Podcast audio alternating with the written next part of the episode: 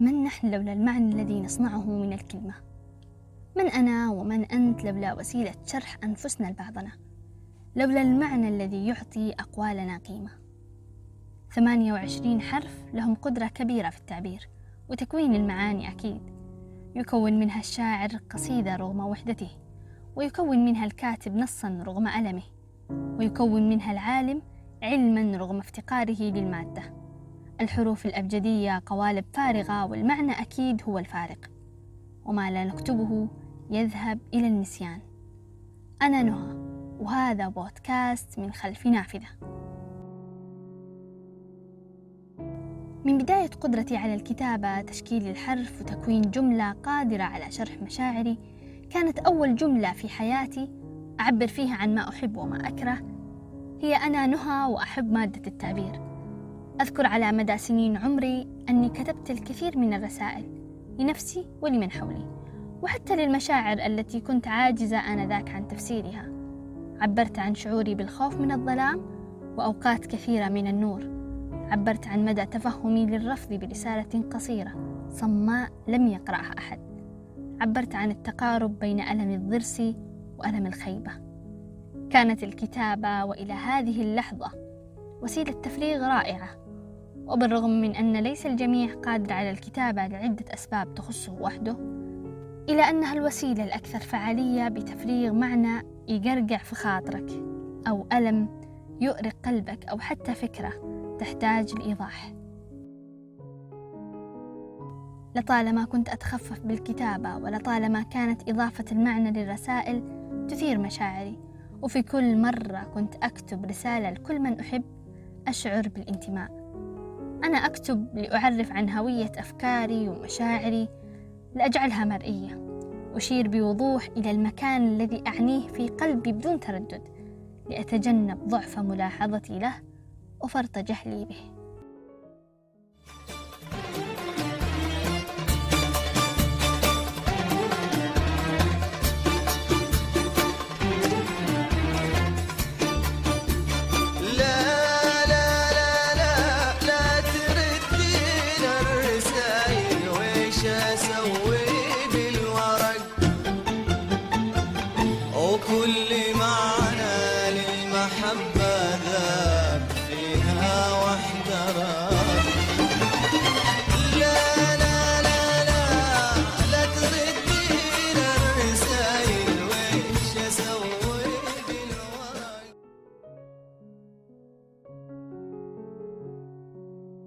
من الحمام الزاجل إلى البريد الورقي ومرسال الغرام وصولا إلى مواقع التواصل الاجتماعي.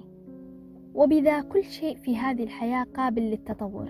المهم وإن خفتت الرسائل الورقية بعض الشيء إلا أن لهفة ومشاعر الحب في كل تلك الرسائل لا تزال حية. الرسائل هي مصدر الاطمئنان إلى حال الأحباب أيا كانوا وأينما كانوا. قديما كان التواصل وإرسال الرسائل المليانة بالمحبة واللهفة والشوق يتم عن طريق الحمام الزاجل بين فرد وآخر. يكون الأول لدى المحب الأول والثاني لدى الآخر. يتواصلان بحاسة الشم يلتقي زوج الحمام ويلقي الأول برسالته. كانت وسيلة الكتابة آنذاك الريشة والتي غالبا ما كانت ريشة من النعام وحبر مخزن. وتكتب في قصاصات ورق صغيرة لا تتجاوز عرضها أصابع اليد. تطوى وتثنى عدة مرات لتتمكن الحمامة من ضمها بين أقدامها الصغيرة. ربما حملت جملة أو جملتين على الأكثر. استخدموها لتوصيل رسائل ومواعيد لقاء وتحضيراته ووصف الشوق ونقل الأشعار وكلمات الغزل ولوعة البعد والانتظار. وبمناسبة ذكر الحمام الزاجل الإغريق هم أول من استخدموا الحمام الزاجل في مراسلاتهم. وانتبهوا إلى وظيفته في المجتمع. فمن خلاله تم نقل نتائج الألعاب الأولمبية لكن أول استخدام عسكري للحمام الزاجل كان في زمن الإمبراطور الروماني أوكتافيوس الثالث. ولكن لم يقتصر استخدام الحمام الزاجل على الإغريق فقد استخدمه الفراعنة والفرس والعرب أيضا. وكان الحمام وسيلة رئيسية وفعالة في الاتصال بين الناس آنذاك.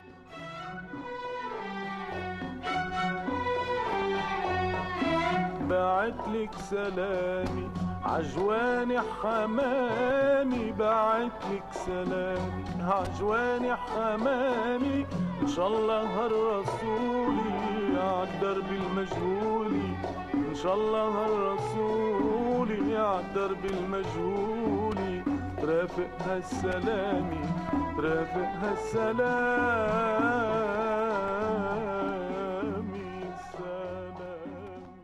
وبعدين مع اختراع الطباعة وانتشار التعليم والمعرفة بدءا من القرن الخامس عشر ازداد الطلب على الخدمات البريدية. وفيما كان ملوك أوروبا يحسنون تنظيم بريدهم الرسمي ويرفعون كفاءته ظلت هذه الخدمة بطيئة نسبيا ومرتفعة التكاليف. تعتمد أو يعتمد البريد القديم على الخيول والعربات والسفن لنقلها إلى ما وراء البحار.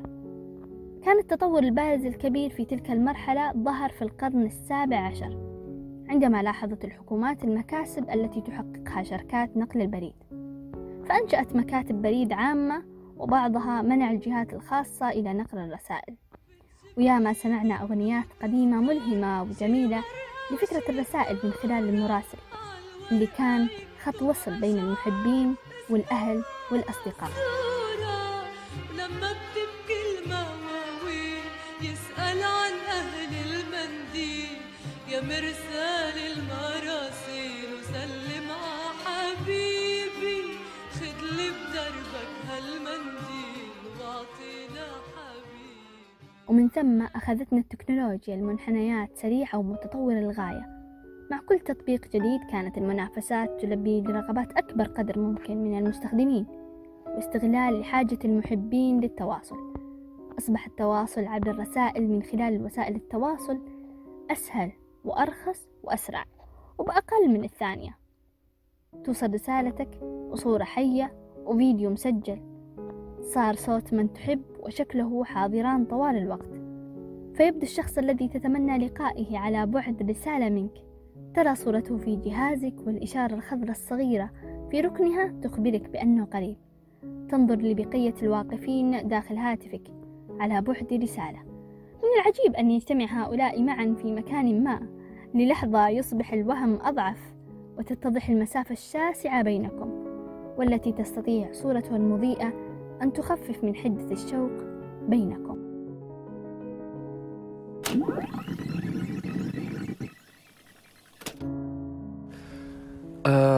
أعتقد أن للرسائل أثر كبير جدا على حياتي وعلى تكوين شخصيتي. لأني مؤمن بقوة الكلمة ولأني مؤمن بأن الكلمات تعيش أطول من عمر صاحبها وأن بعض الكلمات التي نكتبها مقدر ليها الخلود في أذهان وقلوب الآخرين. وعلشان كده أنا فاكر لما كنت طفل صغير كان والدي الله يطول في عمره. كل سنة كان بيكتب لي رسالة بمناسبة عيد ميلادي ويديها لي كهدية. كنت بكون في قمة السعادة والفرحة بالرسائل دي وكنت بحتفظ فيها والموضوع أصبح عادة. إني أحتفظ بالرسائل والكلمات الجميلة اللي بتصلني من الأصدقاء والأقارب والمعلمين. وده لأن الرسائل ليها ميزة. وهي إن بعض الرسائل اللي بتصلنا لو قرأتها للمرة المليون فإنك بتعيش لذة وجمال وفرحة وروحانية قراءتها لأول مرة في كل مرة. وطبعا آه، مستحيل أتكلم على الرسائل بدون ما أذكر نهى صاحبة البودكاست ده لأني أعتقد بإني من الأشخاص القلائل المحظوظين اللي بمتلك منها كم هائل من الرسائل. واللي أنا فخور وسعيد بيه واللي أعتقد بأن رسائلها كان ليها أثر كبير علي. فشكرا ليكي يا نهى ولكلماتك اللي لا تنسى. الرسائل كيف أستقبلها؟ يعني أحس إنه الرسائل ليها نكهة خاصة. ممكن تغير لأي شخص. اليوم أو مثلا زعلان. يفرح بهذه الرسالة. أحس إنه الرسائل تأثر فينا كبشر يعني لدرجة إنه ممكن تقولي شيء أو أو تتكلمي مثلا أو تنصحي ناس بشيء تلاقي كلام كلام يفرحك إنك أنا ما كنت متوقعة هذا الرد. برسالة أثرت في في يومي. جلست يومين تقريبا فرحانة. قالت لي تدرين تدرين كيف دخولك في حياتي غير كل شيء حرفيا. ما أقدر أنسى وقفتك معايا بشيء ما حد يتحمل. ما كنت متوقع يجيني شخص يحبني ويعزني وأحبه وأعزه. مستحيل أنساك مستحيل أمحيك من حياتي. لأن أنت سبب عيشتي في الحياة. لو أقول مية سطر لسه ما قلت شعوري. كل الناس يسألون هل في صديقات كذا؟ إيه في بعمري ما أنساها ولا أنسى وقفتها معي. مو مصدقة أحب كذا مو مصدقة إن أحد يوقف معي بذي الطريقة ويساند لي لين أوقف على رجلي. استقبلت الرسالة أول بابتسامة قلت يعني حسيت إنه أنا ممكن سويت شيء عظيم. هو ما هو غير كلمات بسيطة اللي قلتها. حسيت إنه من جد يعني هل هذه الكلمات أثرت فيها؟ لهذه الدرجة علشان تقول لي هذا الكلام حسيت صراحة نفسي إني أنا بطلة خارقة أو شيء. ما هو طبيعي يعني حسيت لا مو معقولة يعني.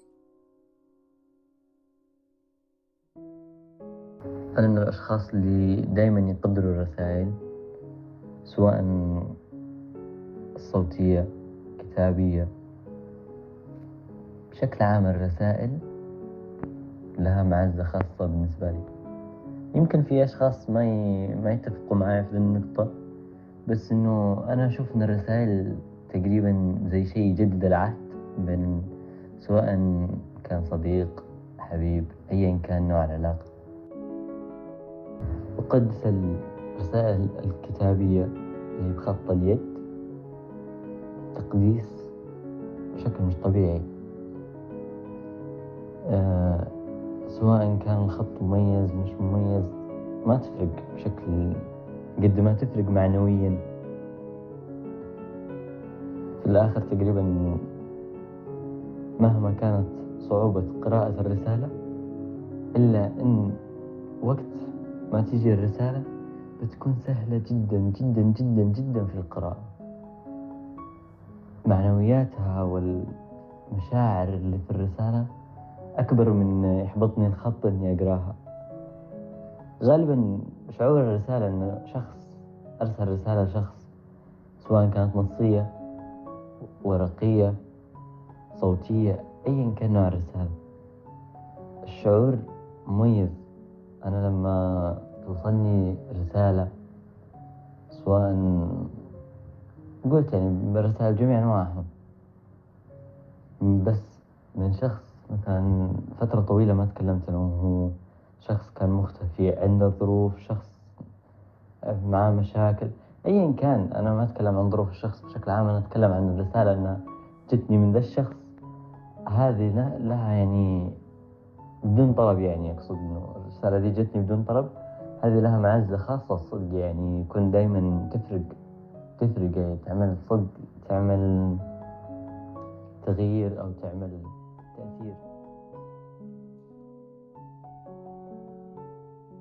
قد إيش الرسالة مرة تأثر فيا بطريقة غير طبيعية. يعني أيا كانت إيش الرسالة تكتب أو حتى لو أشوفها بعيني يعني.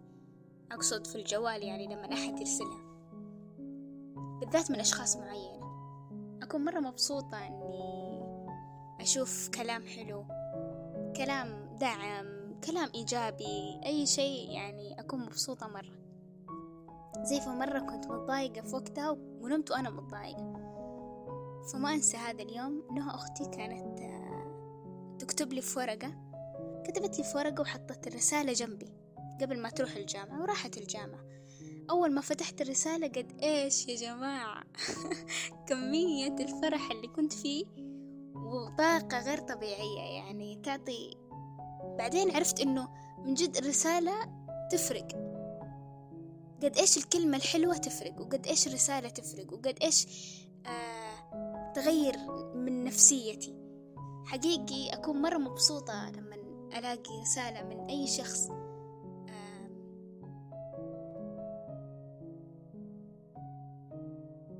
لا تنسوا الاشتراك في بودكاست من خلف نافذة في كافة منصات التواصل الاجتماعي.